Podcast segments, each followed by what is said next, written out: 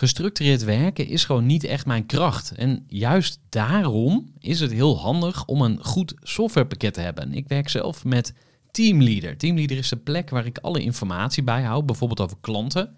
Waarin ik offertes maak en verstuur en die digitaal laat ondertekenen. Waarin ik facturen verstuur, waarin ik lijstjes bijhoud, waarin ik projecten kan managen, waarin ik standaard e-mails kan programmeren. Kortom, ik gebruik Teamleader om alle werkprocessen van mijn bedrijf te stroomlijnen.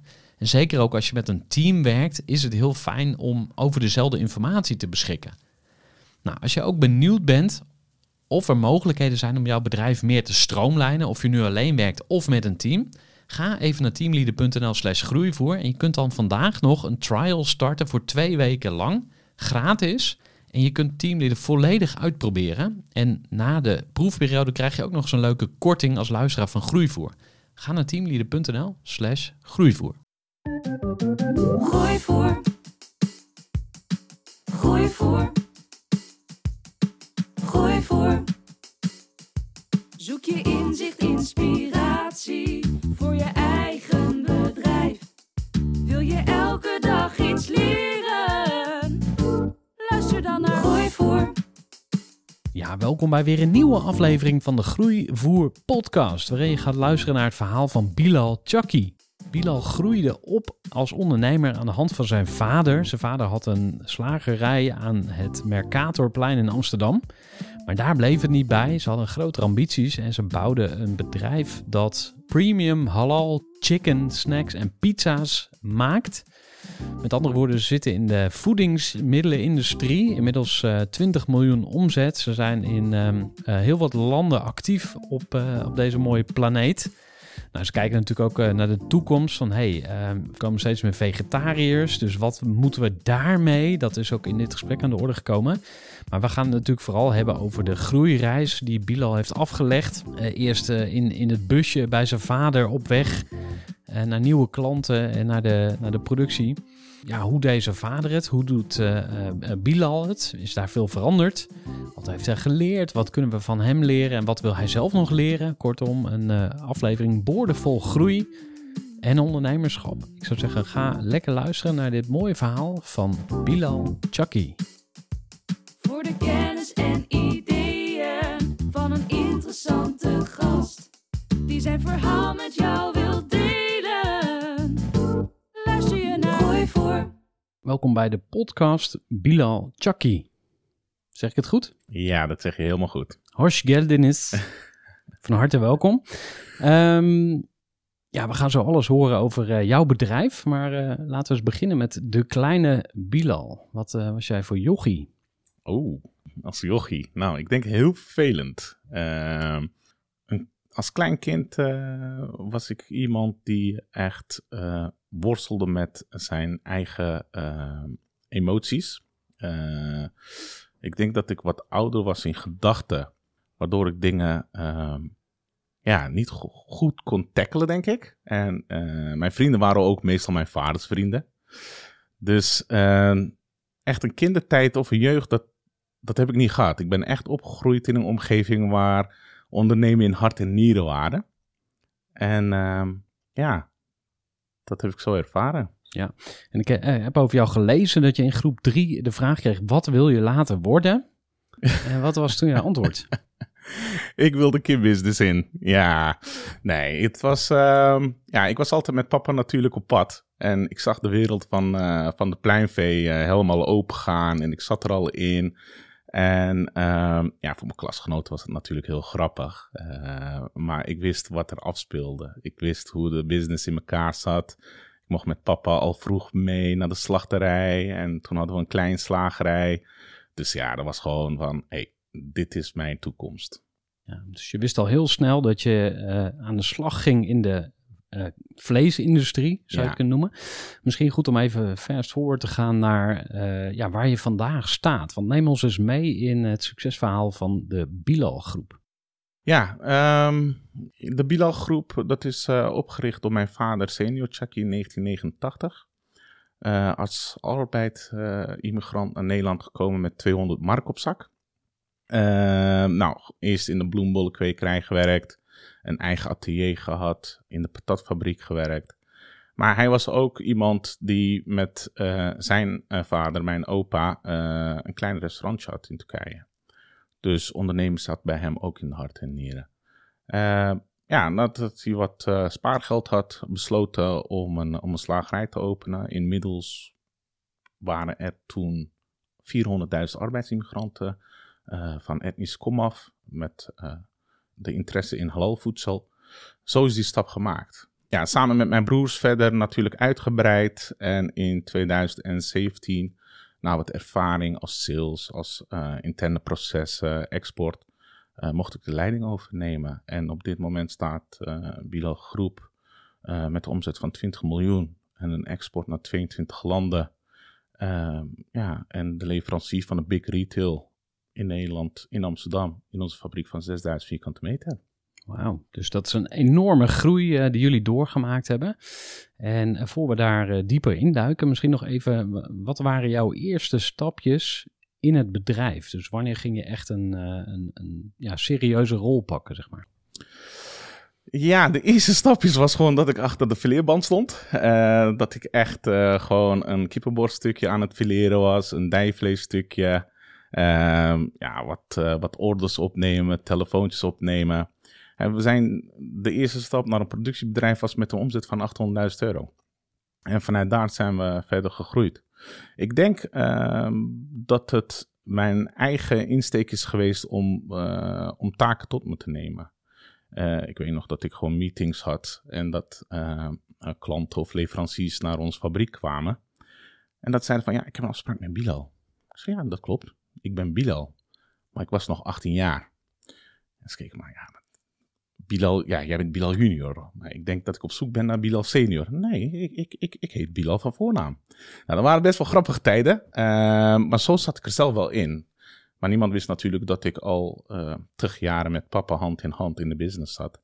En dat ik de fijne kneepjes al kende. Ja, en welke rol speelt jouw vader nu nog? Eh, mijn vader is nu alleen lid van de board. Eh, die werkt eh, niet meer. Sinds 2017 heb ik het stokje overdragen. Ja. En, als je terugkijkt op jullie samenwerking, want je zei van ja, we gingen hand in hand de, de- door de business. Wat is nou de, de grootste les die jij van hem geleerd hebt? De grootste les wat ik... Dat zijn wel meerdere. maar wat mij nu opkomt is dat hij altijd mij heeft aangegeven van... Zie jouw medewerkers niet als personeel. We zijn een familiebedrijf. Zorg voor je mensen en dan komt het altijd goed. Ja. En wa- wat is daar een voorbeeld van? Hoe, hoe deed hij dat bijvoorbeeld zelf? Nou, wat is daar een voorbeeld van? De paniek van vorig jaar, de corona gebeuren in maart. Waarin wij eh, gelukkig wel een goede, gunstige tijd hebben gehad. Eh, hè, de supermarkten waren een uitje. Mensen gingen allemaal hamsteren. En dat er toch wel een voorzichtigheid was met de board, met ons advies, eh, met onze adviseurs. Dat we zeiden van, hey, moeten we voorsorteren? Moeten we misschien even stap op de plaats? Eh, moeten we wellicht afscheid nemen eh, van, van een aantal mensen. En mijn vader, die zat voor therapie toen in Amerika en ik belde hem op. Ik zei, papa, dit speelt er en dit is wat wij denken. Hij zegt, jongen, dat ga jij niet doen. Zij waren er voor ons in de goede tijden en nu zijn wij er voor hun in de slechte tijden. En het is allemaal gunstig uitgekomen, maar zo zitten wij in het veld. Dus daar trekt eh, je vader dan ook een grens, dus die heeft dan toch iets te zeggen? Of kan, kan je dat dan naast je neerleggen? Absoluut. Hij heeft ook wel respect voor mijn eh, beslissingen. Er zijn natuurlijk ook wel vaak papieren gevlogen door de kamers, wa- wa- waardoor wij het niet eens waren. Wat was dan een voorbeeld van zo'n strijdpunt? Waar heb je echt eh, slaande deuren over gehad? Ehm, ik heb, eh, ja, de laatste wat ik kan herinneren is een investering. Eh, een forse investering in nieuwe ERP-implementaties. Eh, nou, dat vond hij niet kunnen. Daar waren wij wellicht nog niet klaar voor. Ik zag dat in en ik heb toch wel de streep getrokken om het te doen. En gelukkig is het goed uitgekomen. Weet je natuurlijk nooit zeker met software, want hoeveel moesten jullie er tegenaan gooien? Ehm, dat was toen een investering van 2,5 ton. Ehm, maar met de tijd dat natuurlijk uitgebreid. Eh, wat ik er wel nog wel aan toevoegen is dat hij dan wel uiteindelijk aan de, aan het eind van de rit, eh, toen de implementaties waren gedaan, heeft gezegd: hey, dat hebben we goed gedaan, hè? dus het het was dus toch uiteindelijk sloot hij zich aan bij jouw conclusie dat het een goede investering was. Ehm, ik vroeg je, eh, wat, wat heb je van je vader geleerd? En eh, als we die vragen eens omdraaien, wat, wat vind jij dat jouw vader eigenlijk van jou heeft opgestoken? Ehm goeie vraag. Ik denk dat mijn vader heel veel problemen heeft gehad met het loslaten. En eh, dat hij mij dat uiteindelijk heeft toevertrouwd is omdat ik dat heb bewezen. Dus mijn vader heeft, denk ik, van mij mogen leren het loslaten. Ja, toch wel. En daar bedoel je mee, eh, wat laat je dan precies los? Ja, hij was elke dag om half vijf de deur aan het openen van het bedrijf. En was er nog steeds om 's avonds zes uur. En dat kon natuurlijk op een gegeven moment niet meer. En het kon niet meer zo zijn dat de autoritaire leider, eh, iemand die met zijn eigen handen en vuist het bedrijf heeft opgezet, eh, kan denken dat het bij een omzet van 20 miljoen nog steeds op die manier moet. Hè? Dan heb je gewoon eh, verschillende teammembers nodig, een sterk team nodig, waarin democratische beslissingen moeten worden genomen. Waarin ik soms ook niet echt denk van oké, eh, ik sta hier niet achter, maar de meerderheid wel. Nou, dan doen we dat. En ehm, in dit soort processen, wat wij dan eh, als team hebben geïmplementeerd, was voor hem toch wel een leerproces. Dat je zei van, ah, oké, dit is wel nodig voor de verdere uitbreiding van het bedrijf. Ik zie jou eh, zitten op die bus met je vader samen. Jullie hebben veel van elkaar geleerd. Ehm, wat is nou het gekste of het grappigste dat jullie hebben meegemaakt samen? Ehm, ja, wij, eh, wij waren toch wel eh, ja, gewoon hele goede maatjes. Ehm, los van dat het mijn vader was, was het ook gewoon mijn vriend, mijn broer, een steunpilaar, een meester. Dus er waren altijd van alle soorten gesprekken, zowel privé als zakelijk. En ehm, als ik nu achteraf kijk, dan had ik gewoon een professor in het ondernemen naast me. En dat was toch wel iemand die mij eh, het gunde. Hij zag dat. Ik zag het zelf niet in. Maar hij zag al dat ik daar heel erg veel interesse in had in het ondernemen. Dus hij begeleidde mij al van tevoren van hoe een ondernemersleven eruit zou zien. En nu kom ik ze allemaal tegen. Dus jij was eigenlijk een soort eh, de uitverkoren zoon. Want eh, hoeveel broers heb je? Wij zijn vier broers. Ja, en heb je nog eh, zussen ook? Of, eh? Nee. Want ik sprak ehm, eh, de man die ons aan elkaar gekoppeld heeft, hè, Kemal Tash. En Ja. die, die heeft ook broers, geloof twee broers. En die zitten ook Mhm. in business. Ja. Maar hij is dan de superstar als het ware. En jij bent dus van die broers ook degene die is uitgekozen als CEO. Hoe, hoe is dat ontvangen door die broers van je? Ehm, nou, eigenlijk heel goed, want onze interesses zijn eh, totaal verschillend. Ehm, ik, ik, ik hou er wel van om de verantwoordelijkheid te nemen eh, en ook de eindbeslissing te nemen. En bij mijn broers is het ook gewoon zo dat zij hun eigen passie hebben. Eh, mijn oudere broer is verantwoordelijk voor de hele wagenparktechniek. En mijn kleinere broertje die is er nu sinds twee jaar bij ons en die vindt het heel erg leuk om in de logistiek te zitten en de planning te doen. Ja, en daar heeft iedereen weer vrede mee. En zo vullen we elkaar ook aan. Ehm, we hebben het eh, over je jeugd gehad. We hebben het even gehad over de basisschool. Maar ik heb begrepen dat je op de middelbare school een eh, aanvaring hebt gehad met een docent. Wat jou eigenlijk Ja. een soort van vuur, eh, een soort vuurtje aangestoken heeft bij jou om, om echt aan de slag te gaan. Vertel ons dat verhaal eens. Ja, eh, deze voorbeeld heb ik ook eerder genoemd. Ik had een leraar, economieleraar, en die had aangegeven, ik was zelf te laat, ik was ook geen lievertje, hè, moet ik je ook heel eerlijk bekennen. Maar eh, iets raakte mij, want ik was te laat en ik liep de klas binnen en hij zei van, waarom komen jullie Turken nog naar school? Jullie worden toch slager of taxichauffeur. Ja, dat was dan misschien een moment voor mij in mijn leven dat ik dacht van, oké, iets raakt mij hier. In mijn jeugd was ik best wel iemand die in, ik, eh, in emoties explodeerde als ik dan blokkeerde of zo. En dat was voor mij het, ja, de grens. Dat ik zei van oké, tot hier en niet verder. Ik stop met school, dus niks voor mij. Maar het heeft mij ook wel ontwikkeld in mijn levensfase. Als ik nu achteraf kijk, dan was het niet omdat de leraar zei een slager of taxichauffeur. Er was wel meer achter. En gelukkig heb ik het in de praktijk eh, mogen ervaren en mogen ontwikkelen. Eh, want school is natuurlijk heel erg belangrijk. En ik heb zo ook nog gewoon meerdere cursussen gevolgd. Mijn laatste cursus van de Mali Academie, VNU-NCW. Over Next Level ondernemen. Ik vind het superleuk. Ja, dat was toch wel een moment dat ik uh, ja, naar mezelf op zoek was. Ja, maar eigenlijk heeft hij jou dus getriggerd om. Want hij zei: Het komt nooit goed met je. Dus uh, blijf maar gewoon doen wat, wat jullie allemaal doen. Uh, tussen ja. aanhalingstekens. Uh, zat daar voor, voor jou ook een stukje racisme in of zo? Is dat een te zwaar woord? Ja, dat, de, deze vraag heb ik heel vaak gehad. Het is. Uh, ja, ik, ik, ik wil het niet echt koppelen aan racisme. Ik denk dat een individu zichzelf moet gaan nadenken over hoe hij of zij dat ervaart. Ik ervaarde het niet als racisme, want ik zie mezelf niet als een buitenlander, maar gewoon de Nederlander. Maar het was wel.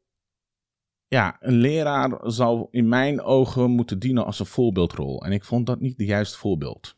Dus of we dat echt racisme kunnen noemen, uh, dat vind ik niet. Ik had wel gewild dat hij het op een andere manier, op hè, een begeleidende, een motiverende manier waar een leraar zou voor moeten dienen, had aangepakt. Ja. Nou, wat, wat ik er super interessant aan vind, is uh, zeg maar, wat drijft je als ondernemer om zo keihard te werken? En ik herinner me uh, dat mijn vader op een gegeven moment tegen mij zei, dat was in 2012 denk ik. Ik begon in 2008 met uh, mijn uitzendbureau. Ja. En in 2012 ging het niet zo lekker. En toen zei mijn vader van, joh, stop daar nou mee. Weet je wel, ga gewoon lekker bij een stichting werken en dan komt het helemaal goed met je. En ik werd daar zo boos van, want ik had op dat moment echt uh, steun nodig. Dus ik had juist even een schouderklopje nodig van, joh, het komt wel goed met je en even door. Uh, maar dat zei hij niet. Hij zei van stop er nou mee. En mijn reactie daarop was dan juist van ja, maar nu zal ik bewijzen dat ik het kan ook, weet je wel. Dus, en dat zie je bij meer ondernemers. En zeker um, de laatste tijd heb ik daar ook wat meer over gesproken met mensen. Soms uh, zie je ook onbewuste dingen. Dus bijvoorbeeld uh, dat je iets wil bewijzen aan je vader of aan uh, je moeder. Of um, er kunnen allerlei processen zijn waardoor je dus iets wil bewijzen. Jij bent nu al heel ver gekomen. Wat wil jij nu nog bewijzen? En aan wie? Um, ja, ja ik, ik heb me zeker wel proberen te bewijzen. Maar ik heb ook wel zelf de actie ondernomen uh, om het te laten zien. Bij mijn vader is het mij wel altijd gegund. Het is, het is, het is een beetje dubbel, want ik geloof erin dat, dat ik dromen heb die er zijn om waar te maken. Dus ik geloof er gewoon in dat, dat, dat de groei van iemand, een ontwikkeling van iemand of een levensfase van iemand te maken heeft met hoe iemand daarnaar kijkt. En ik geloof er gewoon in van waarom zou ik het niet kunnen en een ander wel? Waarom zou ik de dromen niet kunnen waarmaken? Ja, dus als ik een droom heb, dan wil ik het graag bewijzen dat het kan. Ja, gewoon puur omdat het kan, zou je bijna kunnen zeggen van ja, waarom ook niet? Ja. Um, en ik las ook ergens in, in een van de interviews die je gegeven hebt dat uh, het helemaal niet zo vanzelfsprekend is dat jullie zo hard gegroeid zijn. Want uh, het ging net even over, over slagers. Hè? Maar er zijn natuurlijk heel veel slagers. Maar hoeveel van die uh, bedrijven ja, bouwen dat uit tot een imperium? Want jullie hebben echt een, een groot bedrijf ervan gemaakt. Mm -hmm. Maar volgens mij was dat voordat er. want nu hoor je overal, en ook als je op LinkedIn kijkt, hoor je iedereen over mindset over groot denken. Hè? Kees de Jong heb ik ook in mijn podcast gehad. Die heeft het ook altijd over denk groot en denk over de grens. En die, die wordt ook helemaal enthousiast daarvan. Uh, maar toen jullie begonnen, en toen jij op 17-jarige leeftijd die, die lening afsloot, uh, die drie ton kreeg om uh, echt in, aan de slag te gaan. Ja, ik was toen 21. Ja. Oké, okay. had je toen ook al die, die goeroes om je heen of zo? Of waar haalde je dan toen die, die droom vandaan of die inspiratie? Nee, op dat moment niet. Maar ik had mijn vader. En nogmaals, die heeft mij in mijn leven echt heel erg goed begeleid zonder dat ik het wist. Op dit moment heb ik, heb ik heel veel goeroes. Uh, ja, met een aantal heb ik gewoon echt een hele nauwe connectie. Die ik zelfs mijn grotere broer noem. Uh, maar zo hebben we ook adviseurs die mij niet alleen maar zakelijk, maar ook privé laten ontwikkelen. en de mindset is denk ik belangrijk, maar de kansen grijpen is nog belangrijker. ondernemen is risico nemen. Dus als ik dan in verschillende netwerkclubs kom en men vraagt mij van ja, maar ja, hoe doe jij dat en waarom lukt dat mij niet? Welke risico heb jij genomen? Hè? In het ondernemerswereld is het niet alleen maar zonneschijn. Het gaat ook regenen. En de paraplu wordt ook van je afgepakt. Ben je daar klaar voor? En dat zijn toch de vragen die iemand voordat hij aan het ondernemen gaat beginnen aan zichzelf moet stellen. Ik heb die gedachte ook gehad. Dat ik zei van, oh, kijk, die ondernemer stoer. Oh, kijk hem, rijk. Nee, achter de schermen gebeurt er veel meer dingen. Het is kei en keihard. Je moet ervoor openstaan, maar je moet er ook sterk in zijn. Niet iedereen kan een leider zijn. Hmm.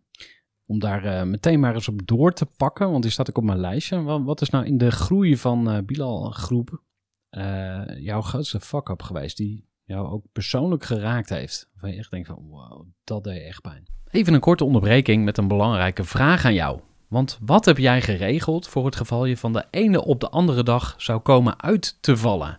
Wat gebeurt er dan met je bedrijf, maar vooral wat gebeurt er met jou persoonlijk en ook in financieel opzicht? Samen met ASR voerde ik drie openhartige gesprekken over tegenslag en veerkracht. En dat deed ik met Saskia, Vincent en Pieter. Ondernemers met een bloeiend bedrijf die van de ene op de andere dag niet meer konden werken. En die verhalen hoor je in aflevering 256, 257 en 258 van deze podcast. Als ondernemer wil je natuurlijk niet uitvallen. En daarom is het belangrijk dat je veerkrachtig bent, want voorkomen is beter dan genezen. En als het dan toch misgaat, is het fijn dat je iets geregeld hebt, zodat je weer snel door kunt met ondernemen. Wil je weten hoe veerkrachtig jij nu bent? Vul dan in twee minuten de veerkrachttest van ASR in. Ga naar asr.nl slash veerkrachttest ondernemers. Uh, ja, um, ja er, zijn, er zijn er een heleboel. Ja, welke zal ik nemen als voorbeeld? Um, ja, ik denk dat ik heel vaak projectjes heb gehad dat ik dacht dat een hele grote succes zouden zijn en dat er gewoon tonnen verlies aan achter gingen. En ja, of ik dat dan de grootste fuck-up kan noemen, uh, dat weet ik niet. Maar ik, vaak uh, ben ik gewoon ook uh, met mijn rug tegen de muur aan gaan staan en zeggen van... hé, hey, dit was helemaal niet hoe ik had gepland. Maar achteraf heb ik er gewoon vrede mee, want het heeft me gemaakt wie ik ben. Ja. En wat was dan het meest pijnlijke? Het meest pijnlijke was toch dat ik um, in mijn vroege jaren, toen ik instapte in de Bilal groep, dat ik dacht dat ik alles beter wist dan mijn vader. En dat ik dan discussies had over een nieuwe investering. En dat ik dan ook heel erg koppig was. En uh, ja, mijn grootste fout zeg ik dan van, ach ja, ik weet het toch allemaal beter en uh, ik zal het je laten zien. En uh, dat het dan een soort van een strijd werd.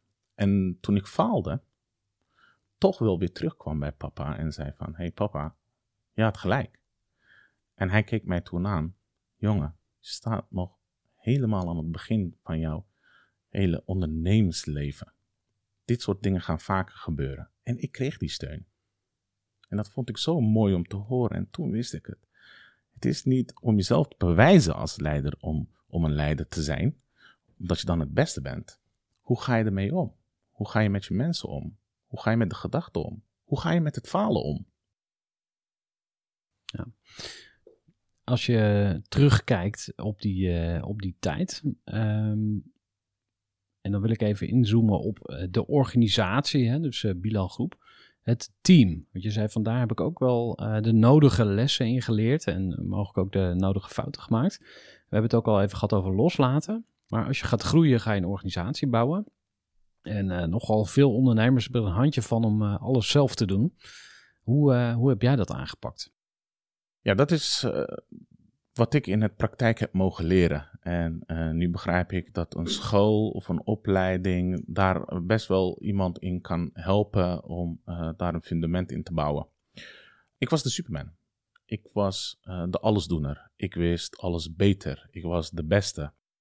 Maar naarmate het bedrijf groeide, ik heb zelf ook een burn-out gehad. Uh, maar waarom, even op om daarop in te springen, op die burn-out. Maar ik vroeg je, wat was nou jouw meest pijnlijke ervaring? Maar die burn-out staat dus niet op dat lijstje. Nee, de burn-out was meer omdat ik een chaot ben en dat ik alles zelf wilde doen. En mijn team heeft daarin geholpen. Ik heb verschillende uh, dingen meegemaakt in mijn, uh, in mijn leven waar ik enorme steun heb gekregen van het team die achter mij stond. En dat is denk ik wat mijn visie, missie en strategie als familiebedrijf toch wel weer uh, op de lijn houdt. Het is niet alleen maar zakelijk. Het is jouw mensen. Het is een team waarin kleine ideeën zich ontwikkelen tot één groot idee. Samen successen vieren, maar ook samen falen. Dus de burn-out was meer omdat ik alles zelf probeerde te doen. Uh, ik was de beste HR-manager, ik was de uh, beste marketing-manager, ik was de beste financiële manager. Nee, maar dat is helemaal niet zo. Maar tien heeft het me kunnen leren om het los te laten en dat ik lekker mijn passie kan uitvoeren met wat ik leuk vind. Ideeën ontwikkelen, uh, met klanten in gesprek gaan, sales, projecten aangaan, netwerken. Ja, daar hou ik gewoon van. Ik zou niet degene moeten zijn die ook een verpakking moet gaan ontwikkelen ik, ik hoef niet te denken dat ik het beste wil zijn. Mensen kunnen het gewoon beter. Laat het los. Doe het samen. Je wordt erkend als leider. Ga ervoor. Zorg voor je mensen. En zorg dat het uiteindelijk tot succes komt of tot resultaat. Ja. Want ik kan me voorstellen, jij bent de eindbaas, hè? dus uh, of je nou wil of niet, maar van jou wordt eigenlijk het eindoordeel uh, verwacht misschien. Mhm. Maar hoe, hoe, balanceer je dat? Zeg maar, dat je, misschien wil je aan de ene kant democratisch zijn, hè? dat wordt ook, uh, modern leiderschap is natuurlijk ook eerst naar iedereen luisteren en dan alles goed afwegen en dan een verstandige keus maken. Ja. Maar soms wil je misschien ook gewoon iets er doorheen rammen. Ehm, waar uh, laat je emotie toe, zeg maar? Of waar is de ratio gebleven in dit verhaal? Hoe, hoe balanceer jij dat? Uh, nee, het is, een, ja, het is een heel bekend probleem. Uh, de ondernemer is toch wel iemand die vaak achter de ideeën zit. Hè? De visionaire man. En dat het tot een resultaat moet uitkomen, daar heb je dat team voor nodig. En daar zit die keten, hè? die schakel. Ja, maar dus als de creatie eigenlijk, dat doet de ondernemer. En de executie, Inderdaad. En dan kun je wel aangeven waarom jij dat niet vindt. Maar uiteindelijk is toch wel de eindbeslisser, de directeur, de visionaire man, de CEO, maakt allemaal verder niet uit. Degene die daar een beslissing in moet nemen. En achteraf kun je natuurlijk gaan kijken wat is er wel goed gegaan en wat is er niet goed gegaan. Maar als er geen respect wordt getoond voor de eindbeslissing, ja, dan, dan, ja, dan zit je toch wel even rondjes te maken in dezelfde cirkel. Gooi voor. Groeiclub.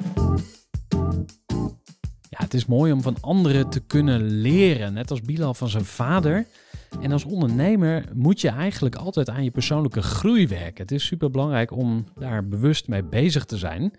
En wat is er dan mooier dan je omringen met andere ondernemers? Mensen die net als jij ambitieus zijn, die verder willen en die jou een spiegel voor kunnen houden. Nou, dat is wat we met elkaar doen bij de Groeiclub voor Ondernemers, onze mastermind groep. Je kunt daar lid van worden. En ik wil je graag ook een van de groeiclubleden uh, laten horen. Dat is Cora Hollander. En met haar bedrijf Courageous helpt ze mensen die uh, het podium op willen en ze geeft hen sprekersmoed. Nou, dat kan ze natuurlijk zelf veel beter pitchen. Dus je hoort Cora Hollander, lid van de Groeiclub voor Ondernemers. Mijn naam is Cora Hollander uh, en met mijn bedrijf Courageous help ik mensen met het sprekersmoed in zichzelf te vinden. En dat doe ik nu uh, een kleine drie jaar en ik ben uh, iets minder dan een jaar ook lid van de Groeiclub. Ja, waarom ik lid geworden ben van de Groeiclub, dat is omdat ik toch ook wilde oefenen met mezelf eigenlijk serieuzer nemen als ondernemer. Want ik doe dit naast mijn baan. Uh, en dan is het uh, ook makkelijk om in de waan van de dag te vergeten. Niet alleen maar je dienst te leveren, maar ook aan jezelf te werken als, uh, als ondernemer. Ik denk als je vooral op zoek bent naar nieuwe klanten en nieuw business, dan is dat heus wel echt mogelijk. Maar ik denk dat dat echt een, een bijproduct is. En dat vooral het samen optrekken en een stukje zelfreflectie kunnen doen en spiegelen in elkaar wat je te leren hebt als ondernemer, dat dat echt de gave van de Groeiclub is. Als je op zoek bent naar een toffe club mensen die jou gaan verder helpen met je ontwikkeling door rake vragen te stellen, dan moet je zeker een keertje komen buurten woensdagochtend bij de Groeiclub. Ja, en als je nou zelf denkt van, hé, hey, ik wil eigenlijk ook wel eens een keer komen kijken bij de Groeiclub voor ondernemers, dan staat onze deur wagenwijd open. En dat is niet omdat de groeiclub voor iedereen is, want je moet serieus investeren en een mastermind groep is niet gratis. En toch willen we mensen de gelegenheid bieden om te komen kijken. Dat kan online. Je kunt elke woensdagochtend tussen 9 en 10 een uurtje meekijken bij de groeiclub. Maar je kunt ook langskomen bij een fysieke bijeenkomst. Dus als jij een keer bij een groeiclub eh, diner wil zijn, we hebben elke eerste donderdag van de maand hebben we een ondernemersdiner. Stuur mij even een berichtje. Als we nog niet gelinkt zijn op LinkedIn, voeg me sowieso even toe. gerardtevelde.nl, stuur een berichtje en hopelijk zie ik jou dan ook een keer in het echt. Tot zover deze korte onderbreking. Snel terug naar Bilal Chucky. Luister lekker verder naar Gooi voor. Uh, we hebben het uh, eigenlijk al heel veel gehad over hoe je ooit begonnen bent, uh, hoe het bedrijf gegroeid is. maar misschien ook goed om voor de luisteraar nog eens even stil te staan bij, ja, wat verkopen jullie eigenlijk? Wat, wat zijn jullie producten? En dan misschien daarachteraan ook, ja, waar zit de innovatie? Dus waar, waar ben je op dit moment mee bezig aan nieuwe producten? Ja, wij zijn een pleinveeverwerkend uh, bedrijf. Dus wij verwerken uh, kipproducten tot eindproducten vers voor de retail. Dus verpakte kipproducten, denk maar aan een kipfilet. maar ook produceren wij snacksproducten, een kipnuggets, een kipfrikandel, een kiphamburger. Een van onze laatste aanwinsten zijn de pizzaproducten en vorig jaar de overname van Cosino Food. En dat staat voor halal kant-en-klare maaltijden, to go, to heat producten ja, waar zitten die innovaties in? Kijk, de foodtrend is toch wel gebaseerd op smaak. En uh, dus ja, er zit continu beweging in, in gezondere voeding, in duurzamere voeding. Uh, wij zijn onder andere de eerste leverancier van de halal scharrelkip. Uh, om, de, om de halal consument mee te nemen in de, in, de, in de duurzaamheid. Maar ook zijn we continu in beweging samen met onze stakeholders om te kijken van hè, hoe kunnen we het keten korter maken? Hè, hoe kunnen we de Nederlandse kip op de wereldkaart zetten? Dus we zijn gewoon, als Nederland zijn we gewoon heel erg innovatief.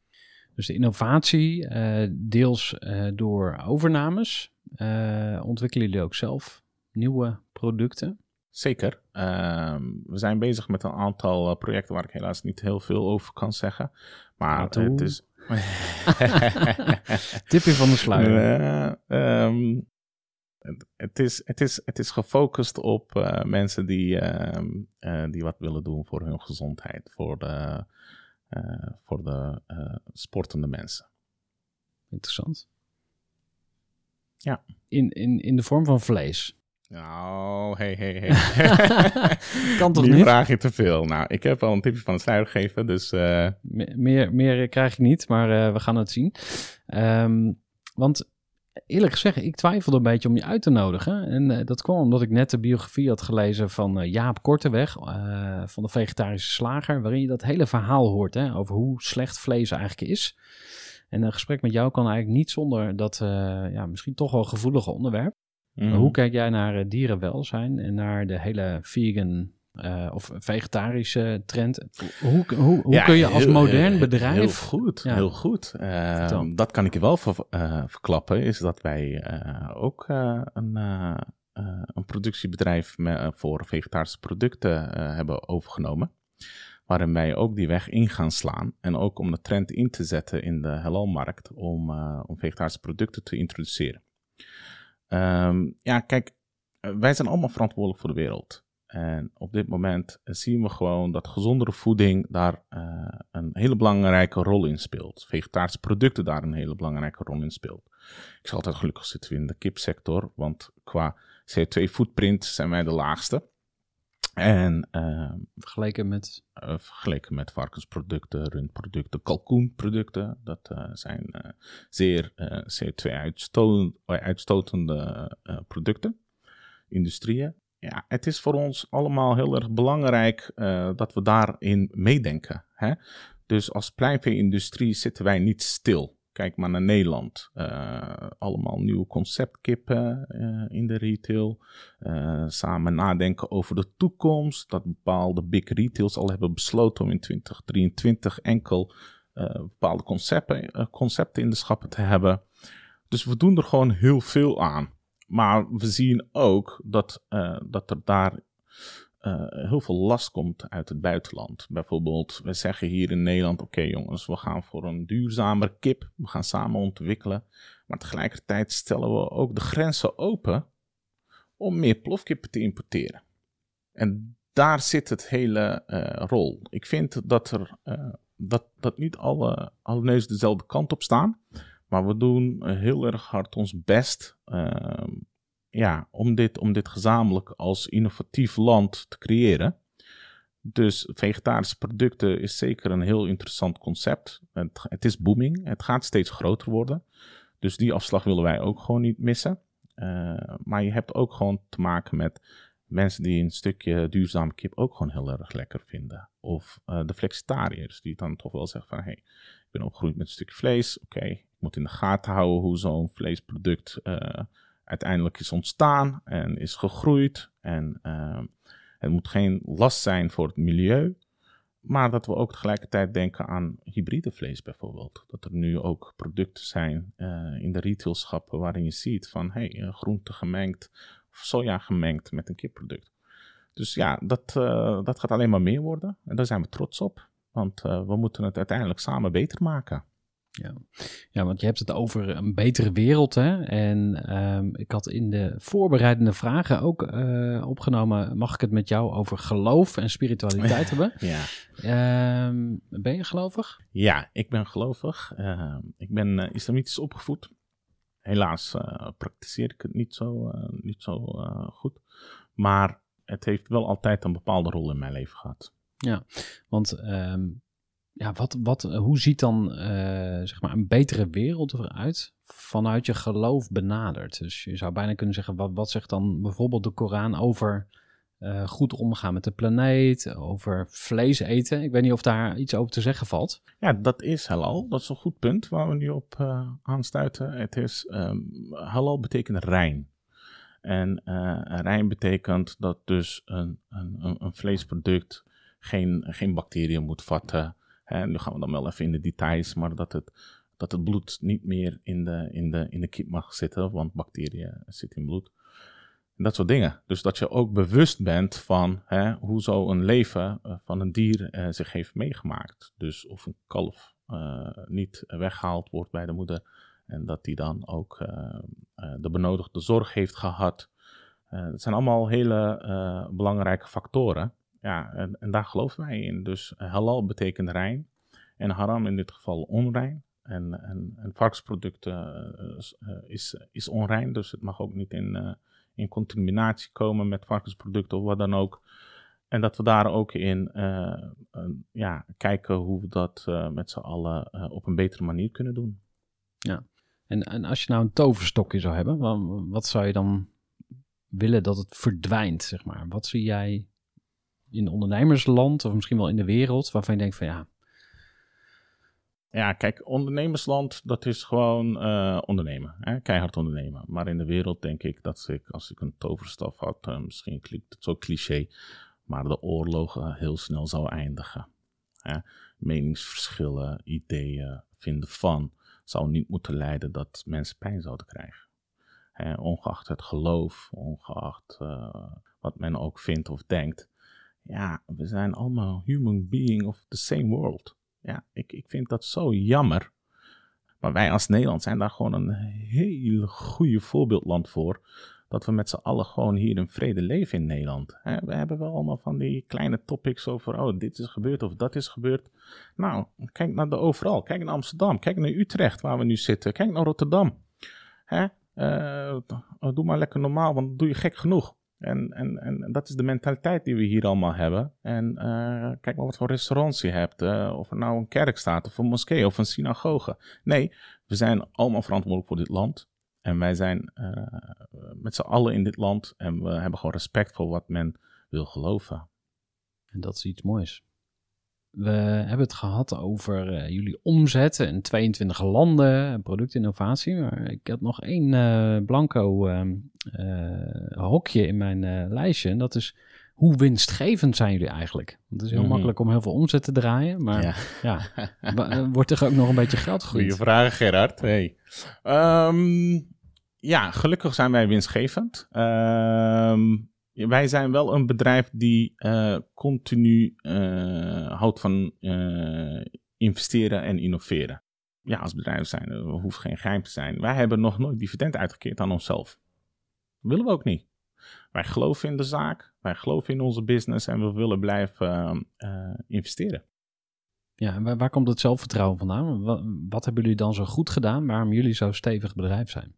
Want daar winstgevendheid moet daar bijna wel onderdeel van zijn. Ja. Als je iedere keer een beetje op het randje zit, hè, dat je dreigt om te vallen of uh, dat, ja, dat is we niet hebben zeker ook wel moeilijke tijden meegemaakt, maar dat is wat elke ondernemer wel denk ik meemaakt. Ehm, of uh, hoe hij of hij, uh, zij dat ervaren, dat weet ik natuurlijk niet. Maar het is gewoon zo dat wij de kracht van de naamsbekendheid, hè, van de loyaliteit naar onze klanten toe, dat, dat, dat dat heeft gecreëerd tot uiteindelijk de brand van Bilo. mensen kennen ons in privé. Mensen weten wie we zijn. Uh, het is niet een corporate business. Nee, wij hebben daar gewoon korte lijnen communicatie. Dit is wie we zijn. Uh, wil je een gesprek aangaan, ben je van harte welkom. Moeten we iets verduidelijken, doen we dat. Een transparant bedrijf. Uh, ja, dat vinden wij gewoon heel erg belangrijk. En dat heeft toch wel eh, voor het fundament van ons bedrijf gezorgd. En met het keihard werken van mijn vader. eh, dat uiteindelijk de imago zo ver is gekomen dat wij gewoon blindelings vert- eh, vertrouwd worden. En dat nemen wij zeer serieus. Ja, dus dat is een, eh, stevig fundament. En eh, hoe, hoe bescherm je dan je winst? Want je, ja, jij bent een eh, innovator. We hadden het in het voorgesprek even over eh, ehm, ja, dat je het liefst in een vliegtuig zit om nieuwe dingen, nieuwe plekken te ontdekken. Wil ik sowieso meer van weten natuurlijk. Maar voor je het weet, dan al het geld dat verdiend wordt, dat steek je weer in nieuwe projecten. En, en je neemt veel te veel risico.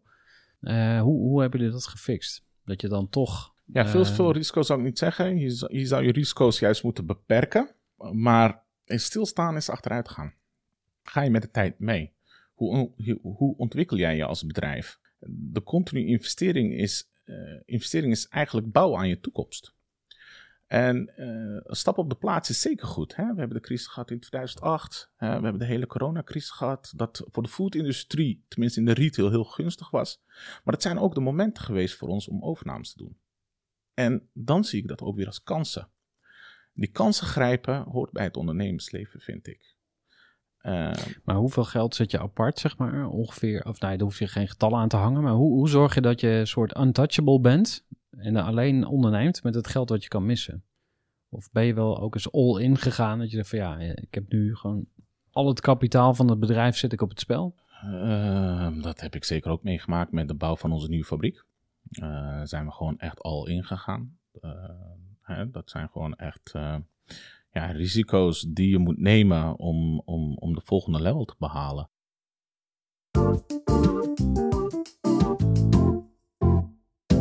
Ehm, over winstgevendheid, over innovatie hebben we nog niet zo heel veel gehad. Dus daar ben ik ook nog wel benieuwd naar. Want eh, ja, je bent graag in die andere landen. Hè? Dus eh, Nederland is misschien wel een beetje te klein voor jou. Wat, eh, wat doe je dan? Spring je in het vliegtuig en wat ga je dan doen? Inderdaad, dat gaat meestal bij mij heel erg spontaan. Eh, hè, een ondernemer als, eh, die heel vaak vertrouwt op zijn intuïtie, is het van: hey, je hebt een gesprek, het is een fijn gesprek. Ik heb eh, dagen gehad dat ik gewoon zei: van, er was dan een klant van mij in Dubai. Twee jaar terug, dat is ook uiteindelijk onze distributeur geworden. Ik zeg: hey, hoe zit jij? En dan was het van: ik kom vrijdag langs. Ik was natuurlijk helemaal vergeten dat in Dubai dan een vrije dag is op vrijdag, als heilige dag. Zo, oh, ja, ik kan zondag wel. Nou, prima. Zondag is dicht bij ons in Nederland. Dus dan pak ik de vliegtuig wel. En ehm, zo creëer je dingen. En uiteindelijk heeft hij er wel, heeft hij, hebben wij als team eh, er wel voor gezorgd dat onze producten in de Carrefour eh, retail bijvoorbeeld terecht is gekomen. En zo ook in verschillende 22 eh, landen wereldwijd waar we nu naar exporteren. Als ik je zo hoor praten, denk ik van, nou, dan moeten de, de VC, de, de venture capital bedrijven ook eh, op de stoep liggen. Wo- Word je vaak benaderd van, yo, kunnen we het kopen? Kunnen we instappen? Mm, Ja, wij hebben verschillende partijen gesproken. Ehm, daar heb ik op dit moment geen interesse in. Ik ben 31 jaar oud. Ik wil graag de weg zelf bewandelen. Natuurlijk zal er eh, eh, een, een tijd komen als je de wereld wil veroveren, dat je toch wel experts nodig hebt eh, die weten hoe dit, allemaal, hoe dit allemaal in elkaar zit. Maar op dit moment zijn we daar nog ja, niet in geïnteresseerd. Oké, want stel je verkoopt het voor 100 miljoen, wat zou je dan gaan doen? Ja, dat is een goede vraag. Ik kan dan wel elke dag kijken op mijn bankrekening dat ik 100 miljoen erop heb staan, maar ben ik dan nog wel gelukkig? Beantwoord hem zelf maar. Ja, dus dat... eh, dat Wat zou jou dan gelukkig Deze maken? vraag heb ik heel vaak gehad. Mijn doel was altijd om miljonair te worden voor mijn dertigste. Misschien heb ik het niet op mijn bankrekening staan, maar als vermogen wel. Maar wa- wa- wa- wa- en, en- en dan? Oké, je hebt 100 miljoen op je rekening en eh, ben je dan gelukkig? Nee, ik ben gelukkig als ik elke dag opsta en een team om me heen heb die we samen de ideeën kunnen creëren en de resultaten ervan kunnen zien. Als we samen de successen vieren, als we samen op pad zijn, als we samen gezellig kletsen, als we samen projecten creëren. Dus daar zou ik echt niet op kicken. Ik hoef niet op een jacht te zitten en te genieten van het geld. Eh, dat, dat, dat, dat- zo zie ik mijn, eh, mijn leven niet zitten. Ben je ook al, eh, ja, want je, het is misschien een beetje vroeg om het nu al te vragen, maar heb je ook al nagedacht over de opvolging over, laten we zeggen, 30 jaar? Denk je dat Lisa dan eh, Ja, ik, het stokje overneemt? ik heb verteld dat ik eh, een heel vervelend eh, kind was. Nou, ik heb een heel vervelend broertje die al heel erg... eh, Millie, Millie Boerak, die aast al gelijk op mijn stoel. En die wil ook echt van alles. En ik herken mezelf ook wel in hem. Eh, Maar dat is jouw broertje. Ja, dat is mijn broertje. Ehm, ja, de tijd moet het gewoon laten zien. Hè? Ik, ik bedoel, ik ben, ik, ik, ik, ik, ik ben zelf nog heel erg jong. Ik ben zelf nog eh, op deze weg. Eh, ik wil nog heel lang blijven werken, hoop ik. En ehm, ja, en uiteindelijk zou ik toch wel het stokje ook moeten gaan overdragen. En dat is ook gewoon heel erg belangrijk voor de bedrijfscontinuïteit. Maar misschien inderdaad een beetje een vroege kant, deze vraag. En Ja. eh, 31 jaar, dus eh, je kan nog even mee. Ehm, ik wil het nog even met je hebben over eh, persoonlijke groei. Want je hebt daar al eh, meerdere dingen over gezegd. Je hebt wat verteld over de lessen die je ge- geleerd hebt zelf. Een aantal van jouw inspiratiebronnen, die, die heb ik ook al kunnen lezen. Onder andere Nelson Mandela. Waarin je omschrijft eh, alles wat je wil kan. Hè? Dus er is geen, geen missie die je niet kan behalen. It seems impossible until it's done. Ja. Precies. En ehm, eh, misschien iets dichter bij huis. Eh, wie zijn jouw coaches waar je op dit moment veel aan hebt? Naast mijn adviseurs, ehm, hè, ik heb het net gehad dat ik ehm, mensen heb die mij zowel zakelijk als privé ontwikkelen, die ik ook echt mijn oudere broer noem. En, Is dat eh, Ron Steenkuil of iemand anders? ja, ja ik, eh, ik wou zijn naam net opnoemen, dat is Ron Steenkuil. Ik Sorry. heb, ehm, ja, ik heb zoveel respect. eh, die, die, die, die heeft mij zoveel, die, die heeft mij de spiegel voorgehouden. Eh, het, het, is, het is allemaal vrijblijvend, zonder verwachtingen. En het is ook iemand die, die er gewoon voor je is als je hem nodig hebt. Op, op, op een of andere manier voelt hij mij. Voel ik me begrepen. Eh, iemand die, t- die het me gunt. En die ik hem ook gun. Wat ik hem ook gun. En eh, we doen vaak een hapjes eten. Ik, ik, ik kan hem bellen. Hij belt mij spontaan op. Precies op de momenten wanneer ik hem nodig heb. En eh, wat ik van hem heb geleerd is. wat ik heb meegemaakt is dat ik dat ook graag voor anderen wil doen. Eh, zonder verwachtingen. In de ondernemerswereld wordt er heel veel dingen van je verwacht. Hè, is het geven en nemen. Maar ik heb van Ron geleerd hoe het is om te geven zonder te nemen. En dat heeft mij als persoon toch wel anders gemaakt. Heeft mij in mijn leven toch op een bepaalde manier een andere inzicht gegeven. Het lijkt bijna haaks te staan op ondernemen, toch? Absoluut. En ehm, eh, in het ondernemerswereld is het gewoon uh, man kent man. En uh, hè, je, gaat, je, gaat samen elkaar ondersteunen met de verwachting dat, dat een collega jou ook daarin helpt. Of als jij iemand een advies hebt gegeven, dat die er dan ook voor jou staat. Hoeft niet per se hoor, begrijp me niet verkeerd. Maar zo'n drukke man die dan gewoon de tijd neemt om, om, om, om met jou te kletsen, over te praten over jouw privéleven. Hè? Ja, dat, is, dat, is, dat, is, dat heeft niks meer te maken met het ondernemen. Dat heeft te maken met iemand willen helpen, uh, iemand willen begeleiden, zijn hand willen vasthouden. En daar heb ik gewoon echt heel veel respect voor. Ja, mooi. Um, we zijn bijna aan het einde gekomen van de podcast, helaas. En we gaan zo nog even nakletsen. Maar misschien uh, wil je nog delen wat jij op jouw beurt weer door wil geven aan andere ondernemers. Um, ja, uh, wij hebben als ondernemers denk ik toch wel heel vaak eh, eh, de gedachte dat we er alleen voor staan. Je ziet onder andere, eh, eh, of je kent de gezegde waarschijnlijk wel van it's lonely on the top. Daar ben ik het niet mee eens. Ik wil andere ondernemers graag meegeven dat wij er samen iets moois van maken. Wij zijn de motoren van de industrie, van de economieën. Wij zijn degene die het samen eh, eh, staande houdt. Hè? Kijk maar naar Nederland, hoe, hoe, hoe innovatief wij zijn als ondernemers. Als we samen met het Holland Paviljoen op het beurs staan en dan de deur komt langs en de kracht en deals die die er dan uitkomen wereldwijd. Eh, het gevoel dat, dat daar is van het alleen zijn, vind ik niet zo prettig. En ik zou graag willen meegeven dat je er niet alleen voor staat. Wat ik heb geleerd in mijn leven is, sta je ervoor open om dit soort dingen met mensen te bespreken. Om je eigen problemen met mensen te spreken in plaats van dat je alleen maar continu bezig bent met je eigen bedrijf. Op een gegeven moment verlies je jezelf.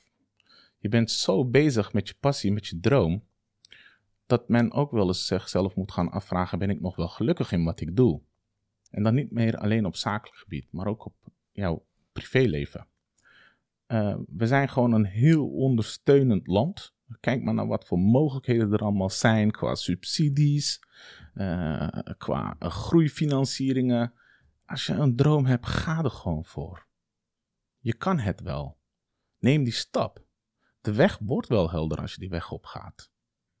Ja, dus je hoeft dat niet alleen te doen. Absoluut niet. En uh, stel dat je je nu wel een beetje eenzaam voelt en denkt ik moet er ergens bij, dan kun je natuurlijk bij de Groeiclub voor Ondernemers gaan. Uh, maar wat, wat dat, was, jou... dat, was, dat was stiekem ook een tip, hè? Ja, precies. Dat was een intake. Ik zat jou wat te uh, souffleren. Maar um, wat, wat heb jij eruit gehaald? Want jij bent ook van een aantal businessnetwerken lid. Heel veel, heel veel. Ik ben lid van de VNO-NCW regio Amsterdam Metropool.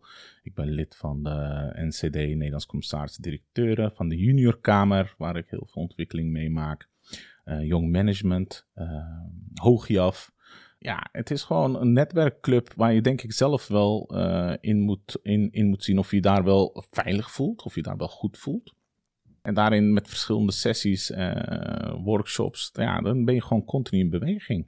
En je leert gewoon op een gegeven moment mensen kennen uh, die dezelfde visie delen of dezelfde gedachten hebben waar je op één lijn staat. En uh, dat doet mij gewoon goed om tussen ondernemers te zitten. Ja. Dank voor dit uh, mooie gesprek, Milan. Jij bedankt. We gaan nog veel van je horen en wij gaan nog even lekker een kop thee drinken. Lekker, dankjewel. Ja, tot zover alweer deze aflevering van de Groeivoer podcast. En ik heb nog een leuke giveaway voor je. Dat is het zakkompas voor persoonlijke groei op bol.com te koop voor 7,95. Als je die gratis in jouw brievenbus wilt ontvangen, stuur mij even een berichtje info@groeivoer.nl. Dan kun je met dat zakkompas aan de slag om aan jouw persoonlijke groei te werken. Gratis en voor niks. Stuur even een mailtje naar info@groeivoer.nl. Ja, vond je dit een waardevolle aflevering? Dan zou ik het super cool vinden als je een review achterlaat. En wat ik nog veel toffer vind, is als je deze aflevering doorstuurt naar iemand die je kent een ondernemer in je netwerk waarvan je denkt, hey, die moet het ook even horen. Mocht je nog niet geabonneerd zijn op deze podcast, nou, klik dat ook even aan, volgen of abonneren. Dan blijf je op de hoogte van de nieuwste afleveringen. Tot zover deze aflevering. Dank voor jouw tijd en graag tot de volgende keer.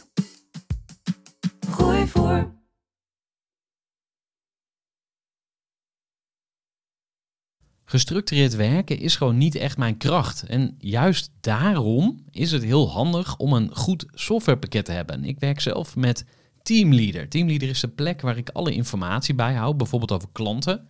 Waarin ik offertes maak en verstuur en die digitaal laat ondertekenen. Waarin ik facturen verstuur, waarin ik lijstjes bijhoud, waarin ik projecten kan managen, waarin ik standaard e-mails kan programmeren. Kortom, ik gebruik Teamleader om alle werkprocessen van mijn bedrijf te stroomlijnen. En zeker ook als je met een team werkt, is het heel fijn om over dezelfde informatie te beschikken. Nou, als je ook benieuwd bent of er mogelijkheden zijn om jouw bedrijf meer te stroomlijnen, of je nu alleen werkt of met een team, ga even naar teamleader.nl slash groeivoer en je kunt dan vandaag nog een trial starten voor twee weken lang, gratis.